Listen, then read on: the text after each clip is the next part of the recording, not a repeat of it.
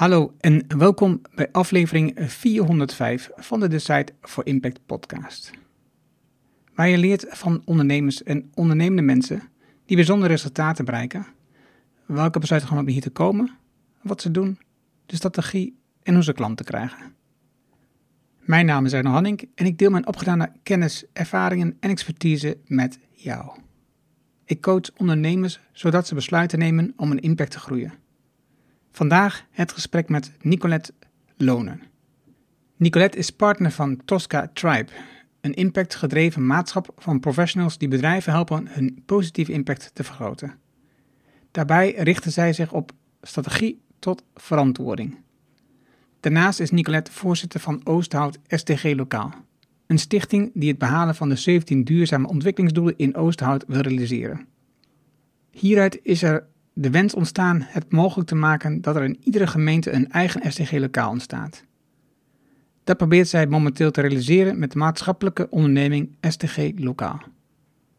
Een zeer interessant gesprek over de STG's en met name over hoe ze STG lokaal organiseren en wat van belang is voor STG's voor bedrijven. Laten we beginnen. Welkom bij Design for Impact, de podcast waarin je leert van ondernemers en experts die een positieve, duurzame bijdrage leveren aan mens en omgeving. Met persoonlijke verhalen die je helpen om impactbesluiten te nemen voor jullie bedrijf. Dan nu, jouw business coach, Engel Halling. Welkom in de nieuwe podcastaflevering. Dit keer spreek ik met Nicolette Lonen. Welkom Nicolette. Dankjewel, fijn hier te zijn. En ik ben ook uh, blij dat jij er bent. Uh, je bent op mijn radar gekomen op een opvallende manier. zeg maar. We zaten bij een bijeenkomst in Winterswijk. En op een bepaald moment vroeg jij een microfoon om aandacht te krijgen voor een evenement wat jij op dat moment uh, aanstaande was in februari van 2023. Wat was dat evenement? Waar ging het over? Ja, dat was het uh, lanceringsevenement van STG Lokaal. Dat uh, is een initiatief waar ik samen met uh, Miranda van Gent de schouders onder gezet heb. Waarin we het mogelijk willen maken dat in iedere gemeenschap een sterk uh, regieteam, een sterk zelfstandig regieteam is, wat versnelling kan aanbrengen op, op duurzaamheid vanuit de breedte. vanuit de breedte zoals die door de SDG's ook vertegenwoordigd worden. Uh, en dat was een heel gaaf evenement. Dus uh, we hebben daar echt heel veel partijen bij elkaar kunnen brengen om enerzijds de beweging die er al gaande is te vieren, maar anderzijds ook uh, te kijken naar wat is er nog meer nodig om ja, versnelling op het realiseren van de duurzame doelen te bereiken. Want we hebben wat uitdagingen hier in Nederland. En ehm, ja, ik denk dat, dat het heel fijn is als we daar heel veel mensen bij kunnen aanhaken die, uh, die daar ook allemaal een steentje aan kunnen bijdragen. Ja, want ik zat naar jouw profiel te kijken wat, uh, wat je ooit geschreven had voor um, de nieuwe eh, minister van de Nieuwe Economie. En um, daarin staat onder andere zoveel mogelijk mensen mobiliseren om in actie te komen, want we hebben geen tijd te verliezen en iedereen moet bijdragen. En daar noem je ook de SDG's. Waarom zijn die SDG's dan zo'n belangrijk tool voor jou? Ja, ik vind het een heel fijn raamwerk omdat het de uh, veelheid van de maatschappelijke uitdagingen aangeeft. Omdat ze positief geframed zijn vanuit een lonkend perspectief van hè, welke toekomst willen wij met elkaar bouwen. Ik denk als je het uh, honderd mensen zou vragen van nou, hè, zou jij willen leven in een wereld of willen leven in een gemeenschap waar de mensen in armoede leven, dat iedereen zegt van nee, dat wil ik niet. Um, we willen allemaal armoede de wereld uit, we willen allemaal honger de wereld uit. Dus uh, het is een verbindende agenda. Ja, duurzaamheid wordt vaak geassocieerd met de energietransitie.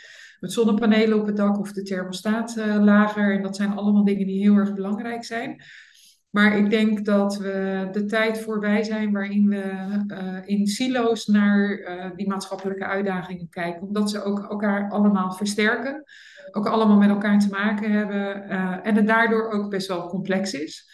Maar wanneer we veel meer een gemeenschappelijke taal uh, kunnen spreken, en dat is wat mij betreft uh, dat framework van die SDG's, dat we dan ook uh, veel radicalere samenwerking mogelijk kunnen maken tussen allerlei verschillende partijen die daarmee bezig zijn, die hele mooie dingen doen, maar vaak versnipperd, vaak toch te veel in silo's.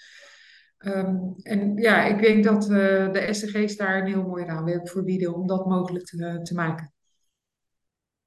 Dingen hierover. Dus er zitten een aantal hele logische elementen in de SDG's. Hè, wat je al zegt, uh, wil je dat mensen in armoede leven? Nee. Wil je mensen honger hebben? Nee, dat wil je niet. En toch, op dit moment leven 850 miljoen mensen in armoede in de wereld. In Nederland 1 miljoen. En, en we weten dat we geld genoeg hebben. Dan denk je, hoe dan? Ja. Waarom is het nog steeds een feit als we dit allemaal al lang weten? En dat we nog steeds spullen kopen die mensen in andere plekken op de wereld uitbuiten. Dus de, op, in de westerse wereld hebben we eigenlijk in principe alle kennis, hebben alle middelen. En toch zijn we bezig met onszelf. Ik denk dat veel van die uitdagingen voor heel veel mensen onvoldoende zichtbaar zijn. En onvoldoende inleefbaar ook. Hè? De, de Sustainable Development Goals zijn door de Verenigde Naties gelanceerd. Daardoor lijkt het als iets van ver weg. Als ik nu uit het raam kijk, dan zie ik uh, een hele mooie groene corridor. Ik zie uh, nou, wat vogels in de lucht. Ik zie uh, mooie wolken en een blauwe lucht. En dan zie ik eigenlijk een wereld waarvan ik van nou, het valt hier best wel mee. armoede bijvoorbeeld, dat is hier niet bij ons op straat. Hè? Dat is achter de deur. Dat is ook mensen die gewoon een baan hebben en die in armoede leven, die gewoon de eindjes aan elkaar moeten knopen. Dus we hebben het hier in Nederland ontzettend goed met elkaar, hè, aan de ene kant. Uh, en, en waar het nog niet goed gaat, hebben we enerzijds hè, dat het voor veel mensen te ver weg, te abstract en te weinig zichtbaar is, hè, waardoor het iets van ver weg lijkt. Maar we ook wel een beetje het handelingsperspectief uh, missen. Hè, jij zei heel duidelijk, ja, hoe dan? Ik denk dat we uh, gestapeld hebben, uh, manieren gestapeld hebben afgelopen decennia waarin we gedacht hebben dat dat manieren waren waarin we die problemen konden adresseren. En dat we het eigenlijk alleen maar complexer gemaakt hebben. We zijn een, uh, een samenleving geworden die drijft op controle, op grip, op maakbaarheid. en ik geloof dat we het weer echt heel erg dicht bij de mensen moeten brengen. en ik hou ook vaak een pleidooi voor liefde. Ja, dat, uh, waar je van houdt, dat wil je niet kapot maken, daar zorg je voor. Uh, dat dat het vlammetje is wat we weer bij mensen moeten aanwakkeren. Uh, en dat gaat niet de landelijke politiek doen, dat gaat niet de provincie doen, dat gaat niet een boardroom doen. Hè, dat moeten we echt van mens tot mens doen. Om, en dat dat vlammetje er ook bij heel veel mensen al zit. Hè. Ik, ik, ik denk ook dat er heel veel mensen zijn die zich ook heus wel zorgen maken uh, over hoe nu de staat van Nederland is of hoe de staat van de gemeenschap is. Maar die ook een stukje handelingsperspectief missen. Hoe kan ik daar dan aan bijdragen? Wat zou ik dan kunnen doen? We hadden net in het vorige gesprekje even over dat ik vaak mensen spreek die uh, radicaal hè, het roer helemaal opgooien, stoppen met hun baan. En, uh, maar dat is ook niet voor iedereen weggelegd. En dat hoeft ook helemaal niet. Hè. Je hebt op allerlei plekken heb je, nou, changemakers nodig. Uh, maar die hoe dan? Hè? Uh, ik denk dat we daar uh, nog een, een, gat in te vullen hebben. En dat gaat ook over experimenteren. En dat gaat ook over van controle naar vertrouwen dat je nieuwe dingen mag doen en dat het ook misschien niet altijd lukt. maar dat we daar ook met liefde, hè, met draagkracht voor elkaar, met vertrouwen in elkaar, ook wel een beetje in mogen experimenteren. Nu schiet er een gedachte in mijn hoofd, hè, want jij bent opgeleid als accountant.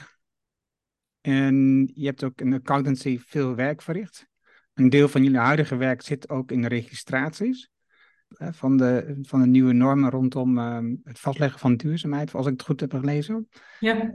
En daar heb ik zelf een gevoel bij, dit zit tegen het Anglo-Amerikaanse gedachtegoed aan. Hè? Dus, het, dus het niet vertrouwen van mensen, het vastleggen, heel veel dingen moeten vastleggen, het controleren, regels naleven.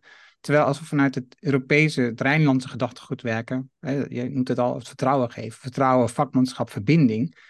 Um, daar zit volgens mij dus een hele grote kans, waar, waar, ik dus zelf heel veel ook aandacht aan geef, een heel grote kans om de verandering te maken, zeker in Nederland, als we, als we weer teruggaan naar waar we eigenlijk vandaan komen, um, op dat gebied in organisaties, in de overheid. Want in de zorg, in de overheid, dat Amerikaanse gedachtegoed. Terwijl we mm. eigenlijk meer vanuit liefde zouden kunnen uh, ja. organiseren maakt het veel makkelijker. En als ik naar de SDG's kijk, wat ik vaak noem als een ingewikkeld iets van de SDG's, en, um, is dus de 168 doelen die erachter zitten. Het is, een, het is niet een zomaar 17 doel, het zijn er gewoon heel veel meer. Het is een heel uitgebreid raam, wat dat ingewikkeld maakt. Hoe kijk jij daar tegenaan, tegen het ingewikkelde van het raamwerk? Ja, dat is zeker een valkuil. Uh, waardoor ik ook wel uh, mensen hoor zeggen van nou, we, we, moeten er maar mee stoppen. Hè? Uh, en dat is voor in mijn ogen ook wel het kind met badwater weggooien. Ik denk dat we in zo'n transitie zitten dat je deels ook gebruik moet maken van het oude. Hè? Het willen, het meten, het willen zicht hebben op. dat is gewoon ook nog wel een hele grote behoefte die er is in het oude systeem om te kunnen toebewegen naar het nieuwe. En voor mij zijn de SDG's niet een, een, raamwerk wat een tik in de box is en waar je nou, uiteindelijk 169 vinkjes kan zetten in 2030 maar veel meer een bewustwordingsagenda om de veelheid en de samenhang van de verschillende uitdagingen te zien. Neem bijvoorbeeld goede gezondheid, dat zit heel erg op verslaving bijvoorbeeld. Wat op dit moment in Nederland echt een groot probleem is. Depressie onder de jeugd, de GGZ gaat gebukt onder een grote golf van mensen die nou, mentaal in, in, in, in moeilijke situaties zitten. Zou dat nou niet iets kunnen zijn waarin uh, je met elkaar kijkt naar, maar wat zouden we kunnen doen? Uh, los van het oude systeem, want het oude systeem zit veel meer op, um, nou ja, ook allerlei controlemechanismen, financieringsmechanismen ook, wat uh, veel meer gaat op, nou, hoe kunnen we mensen beter maken in plaats van hoe kunnen we mensen op de preventie zorgen dat ze niet ziek worden of niet verslaafd raken. En dan trek je je klein beetje los vanuit uh, de oude controlwereld naar wat kan dan wel en hoe kunnen we dat wel vormgeven. En ik denk dat dat iets is. En je kan niet ineens zeggen, nou, dat oude, dat, uh, dat doen we niet meer. Dat zie je ook bijvoorbeeld in de fossiele industrie. Hè? Uh, olie, dat doen we niet meer, dan ligt de hele economie plat. Uh, vind ik zelf ook een lastig vraagstuk. Hè? Want hoe snel kun je die transitie forceren? Hoe snel kun je die transitie inzetten? mag geen smoes worden om dan maar door te blijven gaan met de manier waarop we bezig waren. Je moet ook heel duidelijk transitiepaden met elkaar eh, gaan, eh, gaan ontwikkelen. Maar ik denk dat het heel goed is en heel nodig is dat je wel je langzaam met de mensen die willen, met de mensen die durven, uh, nieuwe vormen van samenwerking, nieuwe vormen van organisatie, nieuwe vormen van oplossingen gaat bedenken. Waardoor je laat zien dat het wel kan, dat het wel anders kan. Die STG's, die. Um, het zijn veel dingen die naar mijn hoofd schieten. Als jij zo aan het praten bent en denkt: oh ja, wat, ik wil dit allemaal nog vragen. Um, op dit moment heb ik het gevoel dat de STG's eh, in mijn omgeving veel te maken heeft met eh, gemeentes. En dus dat, omdat het vanuit de landelijke overheid verplicht is dat gemeenten zich aan de STG's gaan voldoen. En nog minder leeft bij uh, burgers en bedrijven. Hoe, hoe, ervaar jij dat? Want jij zit meer in die wereld dan ik nog weer op dat vlak. Ja, vanuit mijn, uh, mijn eigen werkzaamheden als ondernemer. Hè. Ik uh, ben samen met drie anderen in de maatschap Tosca. Daar adviseren we bedrijven over duurzaamheid. En daar zie ik zeker bij de beursgenoteerde internationale bedrijven, maar ook wel bij het grote MKB, dat zij de SDG's wel omarmen. En um, soms is dat omdat het zo'n heel fijn marketingmiddel is. Hè? Tegeltjes plakken op wat we toch al deden. Um, maar heel vaak op het moment dat je er echt serieus mee aan de slag gaat. Uh, en, en dat is ook onze boodschap, hè, wat wij mogelijk willen maken. Is dat het toch die transitiebeweging in gang uh, zet en stimuleert om dat te doen. Dus uh, niet alleen maar mooie plaatjes in je jaarverslag plakken of op je website. Wat ook gebeurt, hè, dat is ook de realiteit. Uh, maar veel meer kijken naar wat heb ik hier te doen. En hoe kan ik die maatschappelijke uitdaging daar een bijdrage aan leveren uh, met wat, waar ik heel goed in ben, waar ik mijn bestaansrecht aan ontleen. Dan is het een win-win. En um, ik denk dat veel meer bedrijven zich daar bewust van worden. dat je ook echt naar die win-win op moet, dat je die moet opzoeken. Uh, omdat anders de druk vanuit de samenleving wel naar je toe komt. Uh, de actiegroepen die, uh, nou die, die, die, maatschappelijke vraagstukken aan de orde stellen en die de boardroom binnenkomen. Duurzaam ondernemers, wat mij betreft ook toekomstbestendig ondernemen. Dus ik, ik denk dat het bij bedrijven zeker hè, nu meer begint te landen. In die zin heeft de Verenigde Naties destijds met Ban Ki-moon dat heel goed gedaan door UN Global Compact ook op te richten. Om uh, een appel aan het bedrijfsleven te doen. Van dit is niet een vraagstuk van alleen maar overheden. Dit is ook niet een vraagstuk van alleen maar bedrijfsleven. Dit is een vraagstuk van ons allemaal. Um, ik herken wel wat je zegt over de burgers. Hè? En, en tegelijkertijd denk ik, je bent nooit alleen maar burger. Hè? Je bent ook ondernemer, of je bent ook werknemer, of je bent ook ambtenaar. Dus uh, burger is een beetje zo van, ja, dat zijn we met z'n allen, 17 of 18 miljoen mensen in Nederland. Uh, maar tegelijkertijd ben je ook, uh, val je ook in een van de andere groepen. Maar ja, daar is denk ik nog wel wat te winnen. Um, en, en wat ik ja, wat ik ook nog wel spannend vind aan de SG's, is dat ze in sommige groepen geassocieerd worden met complottheorieën. Ja, vind ik heel verdrietig uh, dat die associatie ermee gelegd wordt. Want mensen die zich met ziel en zaligheid inzetten voor die betere wereld, langs de as van de SG's. ik ben daar nog niemand tegengekomen die in een complotscenario zit. Dus die juist de mensen zijn die het voor iedereen, ja, iedereen mooier willen maken. Ja, dat, ik denk dat zo'n complottheorie, dat is natuurlijk op het moment dat je het niet meer snapt en zelf niet zo goed weet hoe je moet handelen, dat je uh, iets opzoekt wat, wat niet zichtbaar is, dat je denkt, oh ja, dus er zit iets achter wat dat organiseert en die hebben iets niet goed met ons voor, want wij moeten onze huidige manier van, uh, onze huidige comfortabele manier van leven veranderen. Dat, daar daar zit natuurlijk een, een, een ja.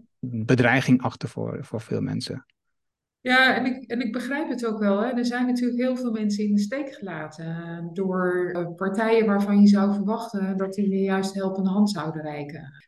We hoeven niet zo heel ver over de grens te kijken om een aantal situaties hier in Nederland uh, de revue te laten passeren. Dat je denkt, ja, ik snap wel dat mensen boos en, en angstig en gefrustreerd zijn. Omdat ze gewoon heel erg in de steek gelaten zijn. Maar ja, goed, dan, dan, zou het, ja, dan is het zo jammer hè, dat, dat dat dan ertoe leidt dat je niet die verbinding met elkaar hebt. Uh, dat dat eigenlijk alleen maar meer polariseert. Uh, en daar zie ik ook wel een belangrijke rol voor de politiek. Hè. Die gooit enorme olie op het vuur. Een aantal partijen die, uh, die daar dat wantrouwen, die boosheid en die frustratie enorm aanbakkeren. Op een totaal destructieve manier. Maak me daar wel zorgen over. Ja, we zitten nu op um, 8, 19 juli 2023. En het, het, kabinet is net gevallen, anderhalve week terug of zo. Onze, onze minister-president, die het uh, jaren heeft gedaan, die heeft in ieder geval gezegd dat hij het niet langer gaat doen. Uh, er stappen een aantal andere ministers op voor andere redenen. Wat, zie jij voor je? Wat is een kansrijke politieke omgeving voor Nederland om uh, een betere wereld te creëren? Ja, vind ik een hele moeilijke vraag. Daar heb ik niet meteen een pasklaar antwoord uh, op. Uh, ik, ik geloof in democratie, ik geloof in vertegenwoordiging.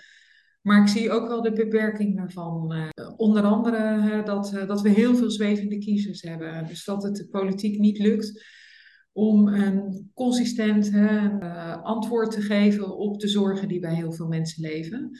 En dat je daardoor dus uh, draagvlak krijgt voor politieke partijen die uh, A zeggen, maar B doen. Uh, en dat daar mensen om de vier jaar radicaal anders, anders stemmen. Dus um, ik, ik, denk dat er nieuw leiderschap op de landen, in de landelijke politiek moet opstaan. Ik had het Sigrid Kaag gegund hè, dat zij dat kon doen. Maar ehm, nou, ik, ik, begrijp ook wel dat zij ook stopt. Uh, ik zie ook wel veel mensen die nu ruimte maken voor nieuw leiderschap op landelijk niveau. Uh, tegelijkertijd denk ik dat er ook een enorme behoefte bij mensen leeft om het dan maar zelf te doen. Hè? En niet vanuit, nou ja, vanuit een wil uh, om er ook een bijdrage aan te leveren. Dat is wat mij betreft de grote zwijgende meerderheid die, nou, die tegenstemt. Maar die ook wel ziet van ja, we moeten het hier gewoon zorgen dat we het op lokaal niveau ook voor elkaar krijgen. En ik denk dat dat heel veelbelovend is, waar je heel veel mooie initiatieven ook al uh, ziet. Hè. Er zijn uh, plekberaden, burgerberaden op gemeentelijk niveau. Er zijn nieuwe zorgcoöperaties, voedselcoöperaties die ontstaan. Er zijn samenwerkingsverbanden. Echt een hele grote onderstroombeweging op lokaal niveau. Uh, en ik geloof daar heel sterk in, omdat je het dan dichtbij, tastbaar, concreet en zichtbaar maakt voor mensen. Enerzijds wat de uitdagingen zijn, hè, welke uitdagingen er achter de voordeur plaatsvinden, welke uitdagingen er onder de bodem plaatsvinden, welke uitdagingen in de lucht zitten. Uh, maar anderzijds ook dat je veel meer handelingsperspectief biedt. En ik geloof ook dat we uh, vertrouwen dat dat de eenheid is, hè, de currency is waarmee we de nieuwe samenleving moeten gaan bouwen. Uh, dat die er nog te vinden is op lokaal niveau. Hè? Want dan is het je buurman of buurvrouw, of degene die je op de tennisvereniging tegenkomt, of degene die je bij het voedselbos tegenkomt, of degene waarmee je in een een leesclub voor asielzoekers zit, hè, dat, dat daar het vertrouwen is en dat daaruit ook de bottom-up beweging groot en sterk gemaakt moet worden. Ja, ik denk dat dat heel erg nodig is. Als je het, vertrouwen en dus die gemeenschap, daar geloof ik ook enorm in. Dus ik denk ook dat uh, jullie initiatief met STG Lokaal uh, super interessant is, omdat je uitgaat van die lokale gemeenschappen. En um, ik zie de grootste kans voor vertegenwoordiging zit volgens mij op het gemeentelijk niveau, dus heel regionaal. En op Europees niveau. Um, en dus dat je uh, internationaal afspraken kunt maken als een, als een gemeenschap. En niet zozeer op provincie of op landelijk niveau meer. Daar zie ik de grootste kansen wat betreft um, voor de toekomst. Voor, Nederland, maar voor elk Europees land eigenlijk wel. En het, het, het, maakt het een stuk rustiger, uh, denk ik, als je, als je die twee niveaus hebt. Um, en veel meer, ja, ik denk veel meer krachtiger dan uh, al die strubbelingen die er nu zijn rondom macht. En ik, wil, ik wil een positie als, als, als lijsttrekker of als, als, als minister of wat dan ook. En dus dat, dat, daar kunnen we best van af. En ik denk ook als er meer vrouwen op dat niveau komen, dat het ook een stuk makkelijker wordt. Ik keek een video van jou van de KPMG-tijd, waar je verantwoordelijk was onder andere voor um, gelijkheid. En um, waar je had over de vier glaven plafonds voor de vrouwen. Oh en dus ik denk dat ik denk als, we, als, er, als er meer vrouwen op die posities komen, en ik wil niet zeggen aan de macht, maar op die posities komen, dan maken we meer kans dat er meer vertrouwen ontstaat. Ja, alleen om het feit dat vrouwen, ja, denk ik, gemiddeld genomen anders omgaan met macht. Ik wil niet zeggen dat er niet vrouwen ook zijn die, als ze iemand positie zitten, ook diezelfde trekken hebben. Maar gemiddeld genomen denk ik dat het meer is. En als we meer vrouwen de macht brengen, dan denk ik dat dat, dat, dat vanzelf makkelijker wordt. Dus daar zie ik zelf heel veel kansen. STDG lokaal, want je hebt het in eerste instantie in Oosthout georganiseerd waar jij woont. Je bent nu voorzitter van, uh, van, van die stichting. Maar je organiseert het nu ook als een stichting die het landelijk wil organiseren. Dus die uh, allerlei verschillende lokale activiteiten wil um, ondersteunen. En ik ben hier zeer geïnteresseerd in, omdat ik dus bezig ben met de IDG's.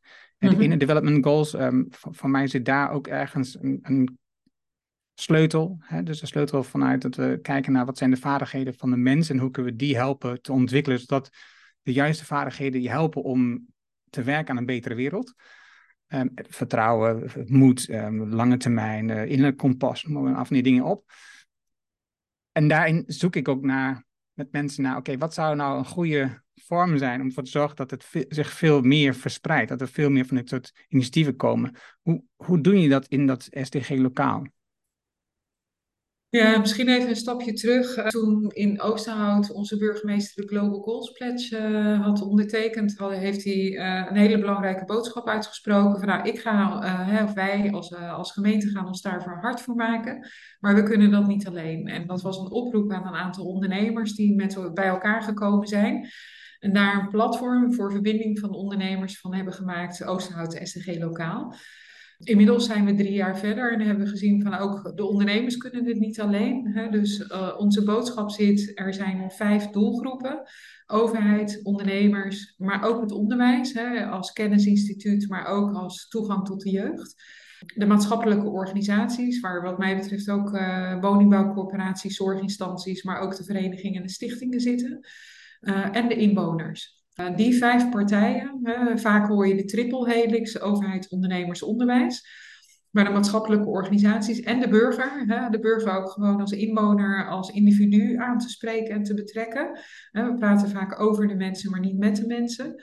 Uh, dat zijn wat mij betreft de vijf partijen waar een, een organisatie zoals Oosterhout SDG Lokaal, een SDG Lokaal, de verbindende factor in kan zijn. Daarnaast, hè, langs de as van alle SDG's. Dus ehm, niet alleen op een voedseltransitie, niet alleen op een zorgtransitie, maar juist de verbinding te maken uh, tussen al die SDG's. Om vanuit welke kansen zijn er, wat kan wel. Uh, de, de, de, de, initiatieven uh, zichtbaar te maken die er al zijn, maar ook de aanjager daarvan te zijn. Uh, om te kijken naar wat is hier de kracht van lokaal, waar zit hier de energie op, waar kunnen we de mensen bij elkaar vinden die in de voorhoede zijn, maar die ook vaak wel uh, tegen barrières en muren aanlopen, hè, omdat ze zich aan het losweken zijn van die oude manier en die nieuwe manier eigenlijk nog te weinig ja, goed, gezond georganiseerd is. Uh, dat, nou ja, is eigenlijk waar wij nu staan als Oosterhout SCG Lokaal, waarin ik ook echt die kracht ervaar.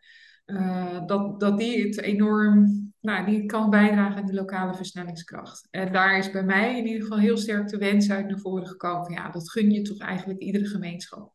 En hoe fijn zou het zijn uh, als we een heel netwerk hebben van lokale uh, regieteams, SDG lokale, die ook met elkaar verbonden zijn. Hè. Ik heb afgelopen jaar in Oosterhout uh, best wel moeten zoeken naar wat is nu de beste oplossing, wat werkt wel, uh, wie zou mij daarbij kunnen helpen. niet alleen lokaal, hè, maar ook um, formules of uh, lessen die je leert. als ik het nu nog een keer over zou moeten doen, dan zou ik het echt sommige stappen anders zetten. Wat, wat noem eens wat van die stappen die anders zou doen? Nou, wij zijn in Oosta bijvoorbeeld in een, met een heel klein clubje gestart. Uh, en, en gaandeweg kom je erachter, je hebt eigenlijk alles en iedereen nodig. Dus nu zijn wij bezig om alles en iedereen erbij te betrekken. Uh, wat ik anders zou doen, is eigenlijk met alles en iedereen te beginnen. Van, willen jullie hier aan meedoen? En willen jullie ons helpen dit mogelijk te maken? En wat ga jij dan doen? Vanuit dat lonkend perspectief, we willen hier de mooist mogelijke toekomst met elkaar creëren voor onze gemeenschap hoe zou Oosterhout eruit zien als we straks in 2030 al die SDG-doelen hebben bereikt? Uh, en doe je daaraan mee? En laten we dan met elkaar ook dat, draagvermogen um, organiseren, zodat de mensen die zich daarvoor hard willen maken en daar ook dagdagelijks mee bezig willen zijn, dat zij dat ook gezond volhoudbaar kunnen doen. Ik spreek nu met heel veel lokale teams die zo bevlogen zijn op een onderwerp als de wereld een stukje mooier maken dat zij zeggen van ja, zelfs voor niks zou ik het doen. En dat doen ze dus ook. Uh, omdat het nu vaak vehikels zijn of projecten of initiatieven. Uh, waarvan het eigenlijk ook wel fijn is dat dat in vrijwilligheid gebeurt. Waarvan we nog niet precies hebben bedacht hoe je dat uit de vrijwilligheid kan trekken. Hè? Uh, zonder dat het het label krijgt van, oh je zit hier om een boterham mee te verdienen, je bent commercieel. Je wil alleen maar geld verdienen. Nee, we willen dat het gezond volhoudbaar is. Uh, en we willen dat het mogelijk wordt voor iedereen. Uh, ik heb de luxe om mijn vrije tijd te besteden uh, aan dit initiatief, omdat ik me geen zorgen hoef te maken of ik mijn hypotheek nog wel kan betalen. Uh, maar dat is natuurlijk niet iedereen gegund. En je hebt echt iedereen erbij nodig. Dus alleen wanneer je het gezond volhoudbaar organiseert. En daar komt ook gewoon bij dat we het uit de liefdadigheid halen. ik, ik ben daar zeer overtuigd van en zeer bevlogen op. En af en toe ook wel verdrietig en gefrustreerd. Hè? Omdat ik ook wel zie hoeveel mensen die lokaal actief bezig zijn met uh, een voedselcoöperatie van de grond krijgen. Dat, dat doen mensen echt allemaal in vrijwilligheid. Hè? Totdat het er is, totdat er funding is. Maar er zijn zo ongelooflijk veel mensen uh, nou, op het randje van hun tandvlees. Ja, waarvan ik denk dat zou niet nodig moeten zijn. Er is geld zat. Maar het vindt niet de weg naar uh, die voorhoede hè, die nu bezig is op lokaal niveau. Hè, want veel grote partijen associëren toch met liefdadigheidswerk, met projectjes, met leuke dingen doen. Ja, nou ja daar, daar zit een enorme wens en verlangen hè, om dat mogelijk te maken uh, dat dat niet meer hoeft. Ik sprak van de week met Aaron Ramblens. En zij liet me twee dingen um, zien die ik niet zo goed nog op mijn netvlies had. Het was, één was um, het verhaal van een nieuw monetair systeemtheorie, de Modern Monetary Theory. Wat erover gaat dat eigenlijk, en dat hebben we gezien in coronatijd, dat er eigenlijk geld genoeg is wat je net al beschreef. Hè? Dus, uh, uh, alleen, we hebben nu op een of andere zit in ons brein de gedachtegang dat de overheid lijkt op een soort huishoudboekje en dat dat sluitend zou moeten zijn. En dat je um, ervoor moet zorgen dat je de uitgaven onder controle houdt en de inkomsten met belastingen organiseert. En dat daar bedrijven daarbij kunnen helpen om dat te organiseren. En als je naar, dat, naar die theorie kijkt, is dat, is dat gewoon niet correct. En dat zie je in, in coronatijd. Je ziet in één keer dat er heel veel middelen vrij kunnen komen. We zien dat we bijvoorbeeld bij een over, bij, voor het militaire um, apparaat ook heel veel middelen vrijkomen continu. En waar komt dat dan vandaan? En magisch uh, komt dat ergens vandaan? Want niemand die organiseert dat, niemand die geld wint voor, voor zo'n militair apparaat. Nou, zo zou je natuurlijk dit ook kunnen organiseren. Zeg, er mhm. zijn gewoon middelen, dat gaan we gewoon organiseren, waarbij deze initiatieven wel lukken, waar wel van de grond komt. En, um, en ik denk dat dat een hele mooie is. En de andere was een video um, die ze mij liet zien. Tenminste, die is me, die is me verwezen en we gaan ze link sturen. En dat gaat over um, in ieder geval, het is maar de, de, kern van de, van de titel was minder douchen helpt niet. Er is dus heel veel aandacht voor individueel gedrag in de media, in, vanuit de overheid richting burgers. Je moet korter douchen, je moet de verwarming lager zetten. Als burger, als individu. Terwijl in de meeste onderwerpen, zoals energie, um, waterverbruik, uh, landverbruik, heeft het niets te maken, of tenminste het percentage van wat de invloed is van de burger, in het, de individuele burger, is, komt tot 5% ongeveer. Op al die onderwerpen. Het grootste deel zit in de grote bedrijven, zit in hele andere oorzaken dan mm. dat het van de individuele burger komt.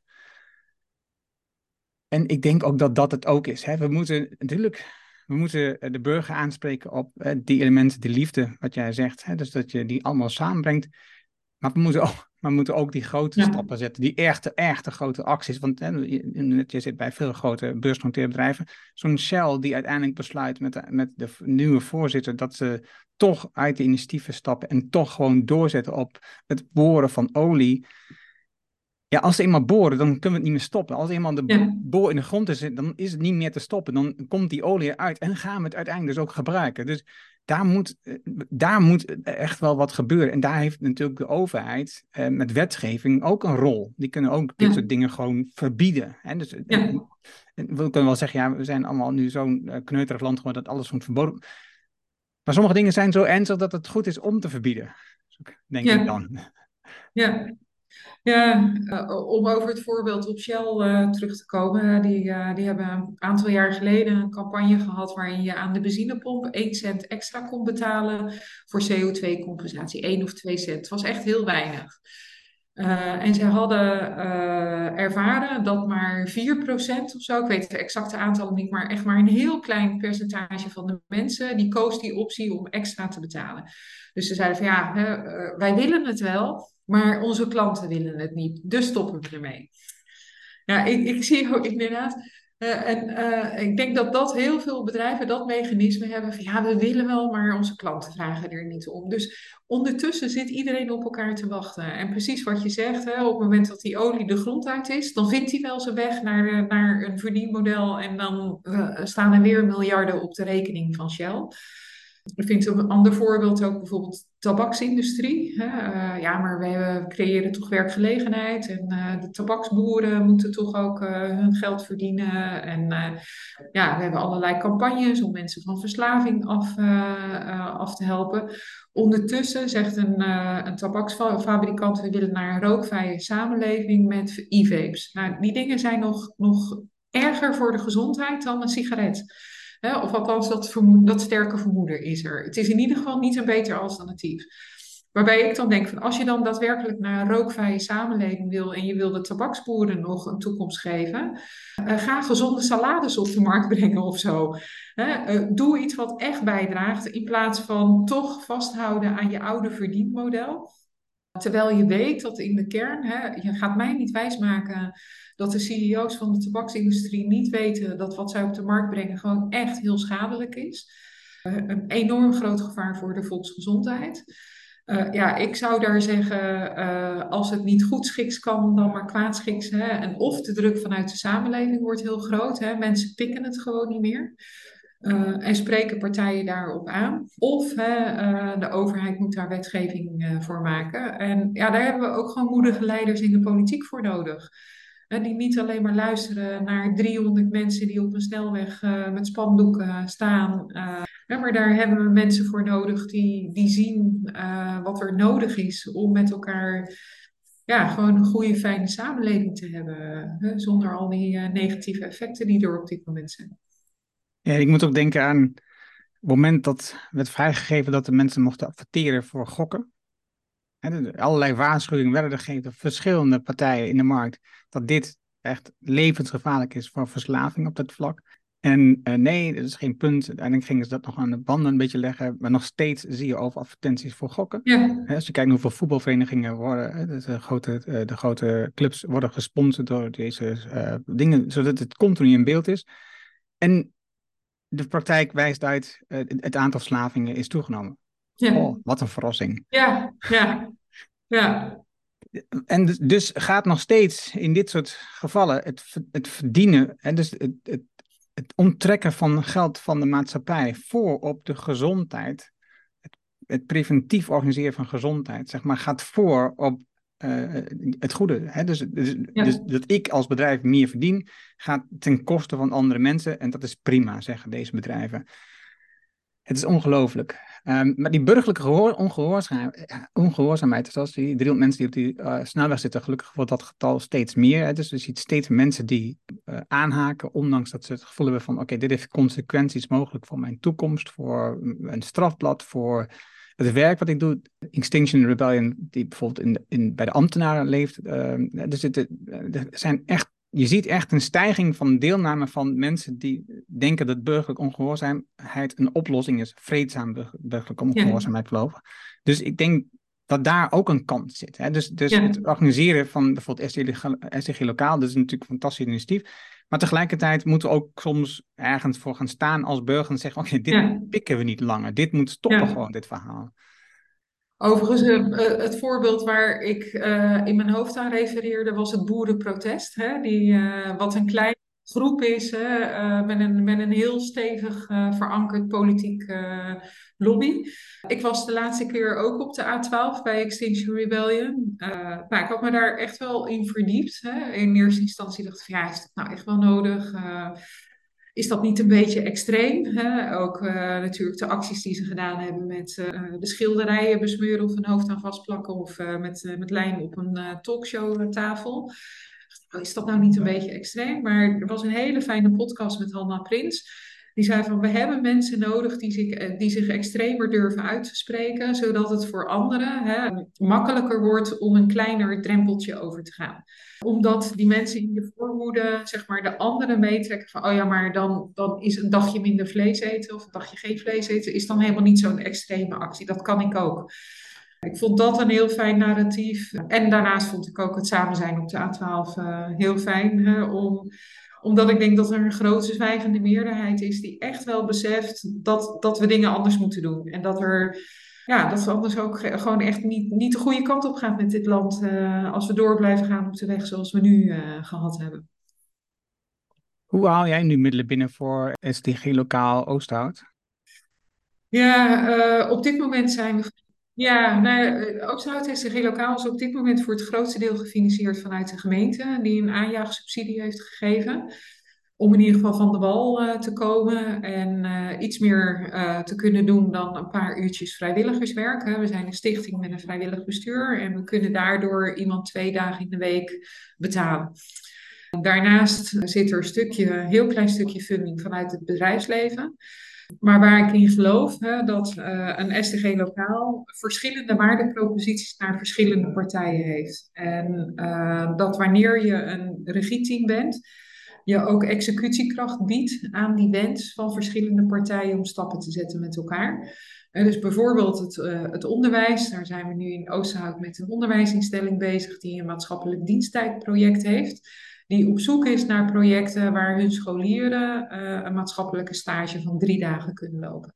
Nou, wij hebben aan de andere kant weer contacten met al die maatschappelijke initiatieven, maar ook met de bedrijven die, uh, die daar best een steentje aan willen bijdragen. En die best een, uh, 14, 15-jarigen drie dagen willen laten meelopen en een vraag willen voorleggen.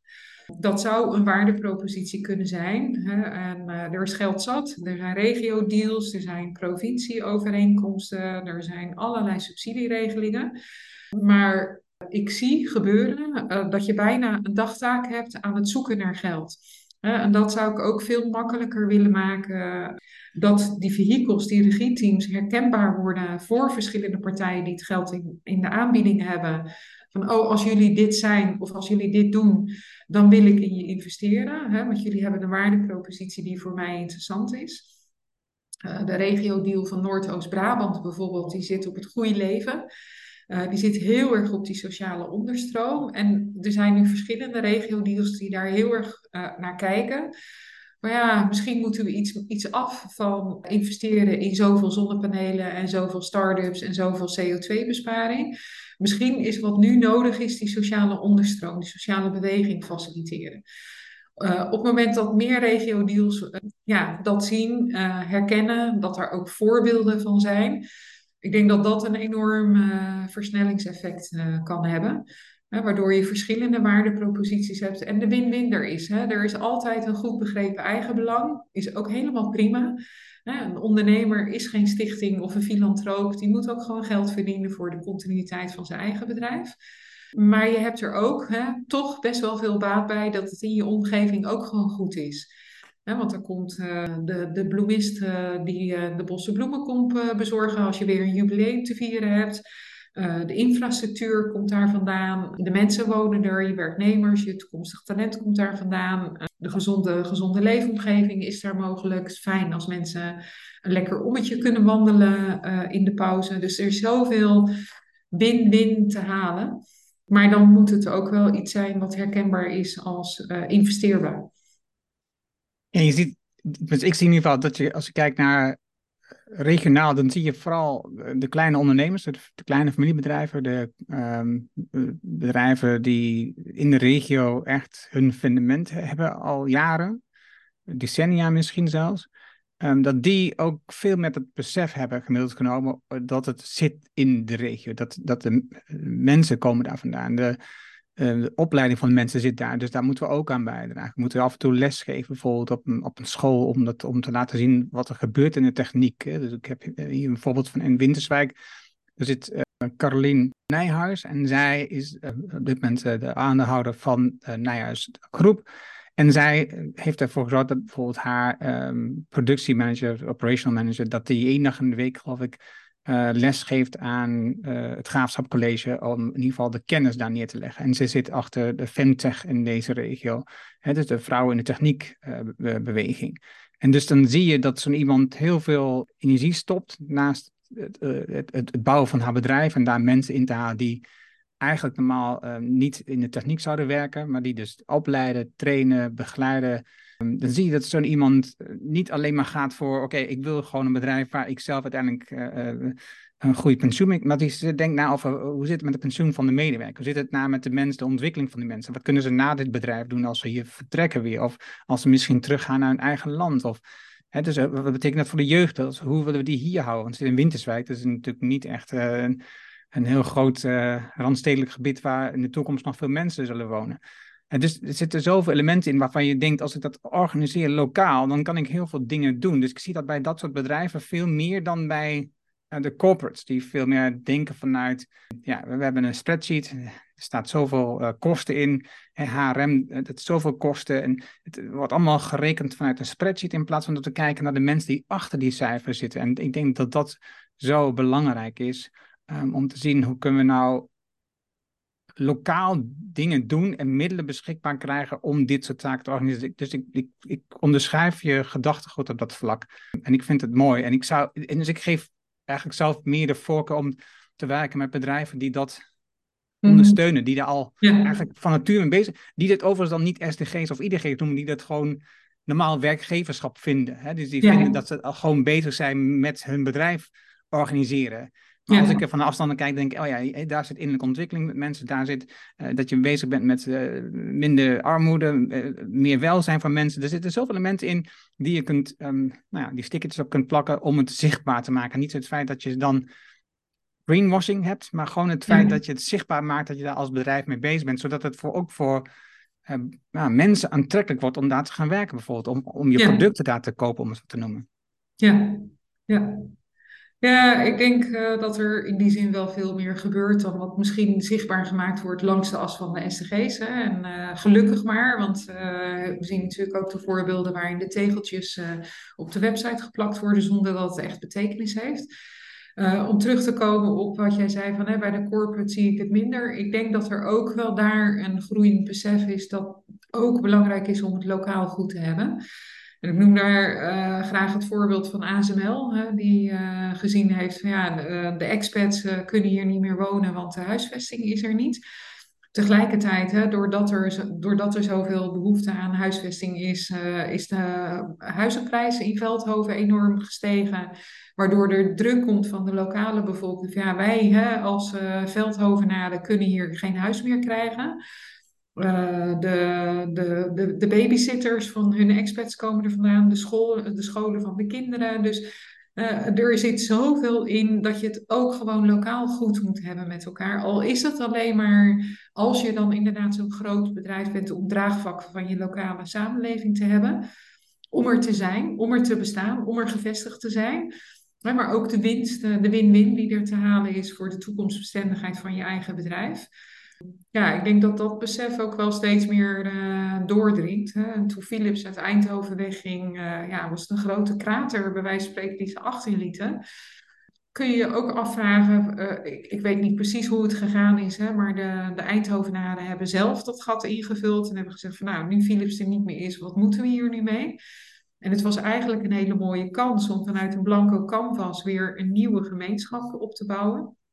Maar misschien had Philips al moeten zeggen van nou ja, we snappen dat we daar een gat achterlaten. Hoe kunnen we het ook voor die lokale gemeenschap uh, goed uh, achterlaten? Misschien is het gebeurd, ik weet het niet precies, maar uh, ik denk dat dat besef wel steeds meer ook bij de grote bedrijven doordringt. Dat het niet alleen iets is op mondiaal niveau, maar ook heel erg hyperlokaal. En het andere voorbeeld wat ik er tegenover zou willen zeggen is, er komt ook steeds meer naar voren dat welzijn heel erg te maken heeft met voel je je verbonden met je omgeving. En ik denk dat dat een enorme sluipende crisis is, dat er enorme eenzaamheid is, uh, hè, omdat we alles maar gereduceerd hebben tot een spreadsheet en een dagtaak en achter je computer uh, nou, hè, je productiviteitscijfers halen. Maar dat het ook heel erg verbonden met je gemeenschap. En dat kan natuurlijk een gemeenschap zijn, hè? je team op je werk, maar ook waar je woont en waar je leeft. Hè? Waar je ja, de andere helft van je tijd, uh, als je een fulltime baan hebt, uh, besteedt. Uh, en dat dat enorm welzijnsbevorderend kan werken op het moment dat dat ook gewoon voldoende aandacht krijgt.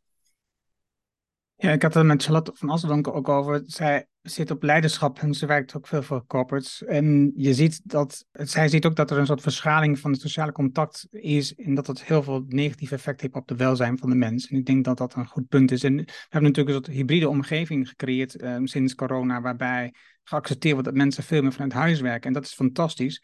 Maar het betekent ook dat mensen um, soms, omdat ze heel veel werken, uiteindelijk ook nog steeds geen ruimte hebben om eh, mm. de andere sociale contacten uit te bouwen. Dus uh, we worden vanuit de maatschappij verwacht dat we nou, 40 uur misschien wel meer werken om de dingen gedaan te krijgen. En zeker als je vanuit huis werkt, heel vaak hè, voelen we ook nog een druk om gewoon meer te doen dan, mm. dan we gewend zijn. Ja. En, ja, en dus blijft er steeds minder ruimte over voor contact met mensen uit de eigen omgeving, uh, wat, wat het ingewikkeld maakt. Ja, en vergeet ook vooral de jeugd niet. Hè. Ik heb vier pubers zelf. Uh, dus uh, krijg ook het nodige mee van wat de jeugd, uh, hoe, ze, hoe, hoe die zich ontwikkelt op dit moment. Hè. En alle digitale tools, hartstikke leuk. Maar het ga, gaat in die zin echt de verkeerde kant op. Hè. Het maken van sociaal contact. beweging, vitaliteit, gemeenschapszin, uh, ontplooiing, ja, ik denk dat uh, voor de jeugd hè, het ook super belangrijk is uh, dat we echt hen achter die telefoons en achter die laptops en die computers vandaan trekken. Uh, en perspectief bieden op een manier waardoor dat, nou, hè, die grote verleiding die er is om toch de hele avond TikTok-filmpjes doorheen te scrollen, daar een andere invulling aan te geven. en dat is ook hyperlokaal. Dat zegt, de jeugd is echt de plek waar je woont. Even terugkomen naar Tosca. Jullie zijn bezig met strategie, met implementatie, met rapportage. Maar je hebt ook een transformatieprogramma. Mhm. wat, wat doe je daar precies in? Ja, dat is een samenwerking met Rob van Tulder van uh, Erasmus Universiteit. En uh, die, die, zijn hele leven in het teken van de SDG's. Was al bezig met duurzaamheid, met die, met die thema's, uh, voordat ze er waren, bij wijze spreken. Heel veel onderzoek naar heeft gedaan en ongelooflijk veel kennis heeft opgebouwd over transitiepaden. Vanuit het perspectief, wat is je ambitie en waar sta je nu? Er, ik denk dat er enorm veel ambitie is, dat heel veel mensen echt wel willen, maar dat het heel sterk afhankelijk is van waar je nu staat. Dus er, hij heeft iets van acht transitiepaden voor bedrijfsleven ontwikkeld. Uh, en dat is zeg maar uh, waar wij elkaar vonden. Wij, hadden behoefte aan een wat meer wetenschappelijk raamwerk, waardoor je ook beter kan duiden van waarom werkt een aanpak hier nou wel en bij het andere bedrijf niet. Hè. waar komt dat nou precies vandaan? En aan de andere kant, hè, van Tulder heel sterk de behoefte was van ja, ik kan les blijven geven tot ik een ons weeg, maar het moet in het bedrijfsleven, het echte, echte leven, uh, moet het gedaan worden, nu het liefst. Uh, dus wij hebben met elkaar een transformation journey ontwikkeld. ik, ik merk overigens dat bedrijven dat best wel spannend vinden. Uh, om daarop in te stappen. Hè? Want uh, het gaat er ook echt wel over van durf je de waarheid onder ogen te zien dat je ook afscheid moet nemen van sommige dingen. Uh, en echt een transformatie in moet gaan, wil je per saldo straks een, een positieve bijdrage leveren. wil je nog bestaansrecht hebben. We zien wel hè, dat de, de, de, partijen die meedoen, dat ze mooie stappen zetten. Maar dat het aan boord halen, dat, dat veel partijen dat nog best wel spannend vinden. En hoe vaak doe je dat programma? Hoe vaak draait dat? Ja, afgelopen jaar hebben we één uh, programma gedraaid en we zijn nu uh, langzaam bezig weer uh, te werven voor nieuwe partijen. dus een van de concepten die daarin zit, is dat je het samen met de andere bedrijven doet. dus in een keten zou bijvoorbeeld heel fijn zijn of in een sector, zodat je ook van elkaar kan leren en dat er ook een stukje peer learning in plaatsvindt. Het is, het is minder een programma wat gericht is op één op één. dat soort trajecten doen we nu uh, aan de lopende band. Uh, maar de transformation journey is veel meer voor een cohort van bedrijven van minimaal vijf tot maximaal tien ongeveer bij elkaar te krijgen. En dat vinden partijen ook wel spannend. Hè, om bijvoorbeeld met je concurrenten in, zo'n, in een sector met elkaar daarin te zitten. of in een keten. wie neemt dan de regie daarin? Hoe zijn die afhankelijkheden daarin dan uh, geborgd? Wat werven jullie? Wat, wat, voor, wat voor mensen wil je binnenhalen? Als ik je de ruimte geef om wat werving te doen? Ja, nou, wat mij betreft zou het belangrijkste zijn degene die durven en willen. Die zichzelf echt in, uh, in de spiegel willen kijken. We hebben afgelopen jaar een pilot gehad om te kijken of we in de gezondheidszorg hè, dat konden doen. Uh, met de farmacie, met uh, de sportscholen, met de zorgverzekeraars, met ziekenhuizen, met de huisartsen, echt een lijn, hè, een keten op te pakken. Uh, dat is nog niet gelukt. maar zou misschien uh, ja, wel heel interessant kunnen zijn om echt, ik heb me daar ook heel erg laten inspireren door Changing Game van André Nijhoff. die ook heel erg naar een sector kijkt. we kunnen we allemaal naar de boeren wijzen, of we kunnen we allemaal naar de Rabobank wijzen, of we kunnen we allemaal naar de overheid wijzen. Maar de echte transitie komt vanuit de keten. Daar geloof ik heel erg in. En niet dat ik nu de ambitie heb om de agri, uh, de boeren, bedoel, daar heb ik helemaal geen verstand van. Maar uh, ik denk wel dat we, willen we bijvoorbeeld een plastic probleem uit de, uit de wereld helpen, heb je die keten nodig. Dus uh, nou, als er partijen luisteren naar deze podcast en denken van nou, ik, ik voel die urgentie, die noodzaak en ik, en ik durf dat wel, dan gaan we graag in gesprek. Wat, wat, wat doe je vooral, eh, ik heb net wat opgenomen, maar wat doe je vooral als je kijkt met Tosca voor klanten? Uh, ja, dat zit vooral op strategie en verantwoording. En um, nu komt er natuurlijk wetgeving voor duurzaamheidsverslaggeving, de CSRD. En daar zie ik dat dat heel veel bedrijven in actie zet. want ja, het moet nu ineens.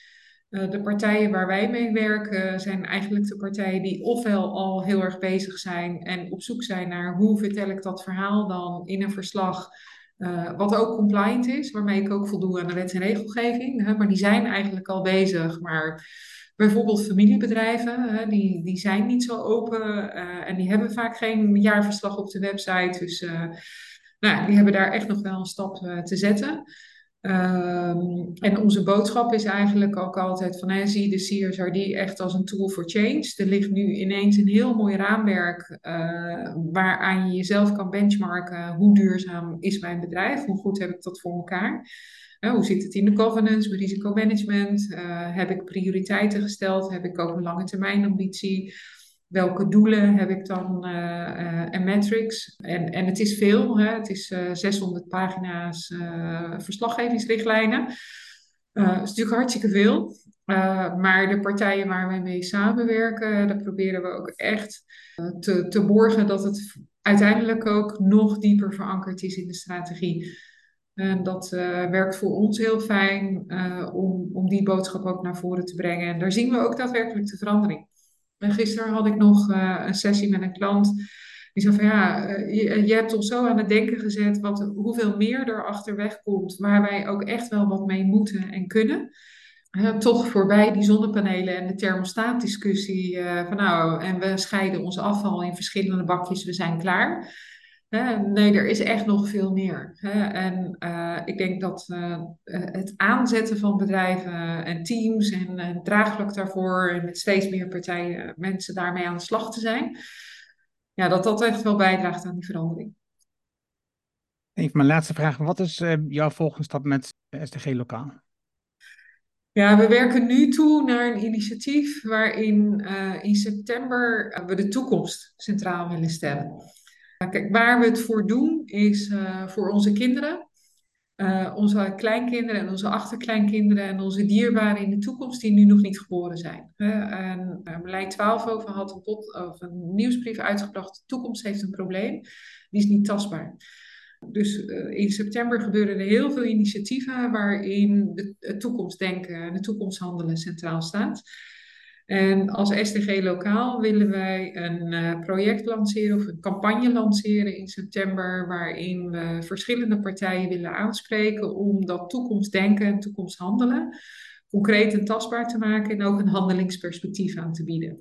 Door bijvoorbeeld een eigen SDG lokaal te starten, maar ook bijvoorbeeld door een plekberaad te organiseren Um, nou, er zijn ongelooflijk veel initiatieven hè, die er nu al zijn. Ik denk dat we alles al bedacht en ontwikkeld hebben wat handelingsperspectief kan bieden aan partijen die nu stappen moeten zetten. En dat proberen we ook bij elkaar te brengen in september. Betekent dat een bijeenkomst of wat, wat houdt het in? Ja, we denken nu aan een campagne waarbij we raadsleden, ambtenaren, ondernemers nou ja, proberen te bereiken ook jij hebt dierbaren in de toekomst en bent een toekomstmaker.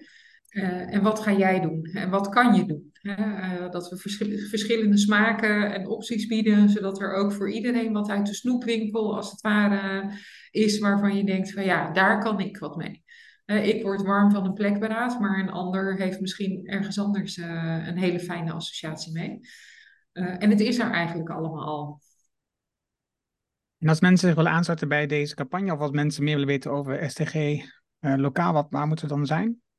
Nou, sowieso kun je aanmelden op de nieuwsbrief van stglokaal.nl. Uh, het overkoepelende initiatief waar we verschillende partijen bij elkaar brengen heet Plekmakers. Plekmakers.nl. Een plekmaker voor de toekomst. En we zijn ook allemaal zelf een plekmaker. Plekmaker voor elkaar, voor de natuur, voor, nou, voor de mensen die, die hun plekje nog niet gevonden hebben. Dat is het overkoepelende initiatief. Dankjewel. Ik uh, vond het uh, fijn om van je te leren, Nicolette. Ik heb eh, van je geleerd en ik ga daarna bij nog weer terugkomen over hoe je SDG lokaal organiseert. Wat je idee is over financiering. Want dat zijn dingen waar ik zelf met andere mensen voor de IDG's ook over nadenk. Ik zou heel graag zeg maar, dat ergens willen combineren. Dat, je, dat we daar meer ook slagkracht krijgen om dat voor elkaar te krijgen. En zeker vanuit een lokaal perspectief, omdat wij dus ook meetups organiseren die ook heel erg lokaal zijn, waarbij je denkt over het goede voorbeelden laten zien van, van organisaties, uh, ondernemers, die dingen doen, zodat je kunt zien, hey, er is een handelingsperspectief, ik kan ook iets doen als ik dit op deze manier georganiseerd, nou daar hou ik enorm van. Ik vond het mooi om van je te leren wat je ehm, vertelde over die grote organisaties die een verschil maken. Al heb ik nog steeds heel veel twijfel over die corporate die uh, toch, uh, nou, vooral als er ergens anders een bestuur zit dan het lokaal, ja, dan ben je toch minder lokaal gebonden. Dus ik, ik ben zelf meer van het, um, de kleine organisaties. Maar ik ben wel blij dat je mooi initiatief noemt, zoals dat van ASML. Um, en, en die heb ik ook gezien, voor duidelijkheid. Ook die, die snap ik ook. En ja, weet je, het is super om van je te leren hoe je dus um, probeert juist die verschillende bedrijven samen te brengen. En naast de Triple Helix, die ik heel vaak hoor, onder andere van Frank Landman, dat je juist zegt, nee, die maatschappelijke partij. Want ik noem dan altijd um, educatie en zorg, maar jij noemt dan uh, dat maatschappelijke organisaties. En mm. de burger, ja, ik vind, dat, ik vind dat een mooie aanvulling zelf ook. Hè. Dus, dus uh, ik zeg zorg, maar jij maakt hem voor mij breder, waardoor het nog iets mooier wordt, want dan krijg je een ja, meer omvattend iets. En de burger uiteraard. Mm-hmm. uh, zou ik zeggen. Dus uh, dank je wel daarvoor. Nou, dank voor dit hele fijne gesprek. Jouw vragen zetten mij ook weer verder aan het denken. Dus uh, fijn, dank je wel. Dat was het mooie gesprek met Nicolette. Je vindt de namen en links die we noemen in het artikel dat bij deze uitzending hoort. Ga daarvoor naar decideforimpact.com slash show 405. Wil je vanzelf automatisch de volgende aflevering van deze podcast op je telefoon ontvangen? Dat kan heel eenvoudig. Heb je een iPhone, zit daar standaard de Apple Podcast app op. Open deze app, zoek naar de Decide for Impact podcast en klik op abonneer. Heb je een Android telefoon, installeer dan eerst bijvoorbeeld de Player FM app. Zoek daar de Decide for Impact podcast op en klik op abonneer. Dankjewel hiervoor. Heb je een vraag, opmerking, reactie over deze aflevering met Nicolette of over de podcast in het algemeen? Stuur dan een e-mail naar podcast@designsforimpact.com. Ik hoor super graag van jou. Wil je leren hoe je focus en energie vindt met jouw innerlijke kompas? Hoe verbinding in je team het verschil maakt? Hoe je vertrouwen krijgt in je collega's en hoe je een moedig mens wordt? Download dan het boek Impact Besluiten waarmee je nieuwe medewerkers aantrekt op de. Dit is mijn nieuwste boek en je downloadt het daarom nu helemaal gratis. Je hebt zelfs geen e-mailadres nodig. Vraag jouw boek nu aan op de site voor impact.com. Ik weet je hebt een volle agenda, je leest het in één avond tijd. Dankjewel voor het luisteren en graag tot de volgende. Dankjewel voor het luisteren naar deze aflevering van de Decide for Impact podcast. Ga voor jouw volgende stap naar decideforimpact.com.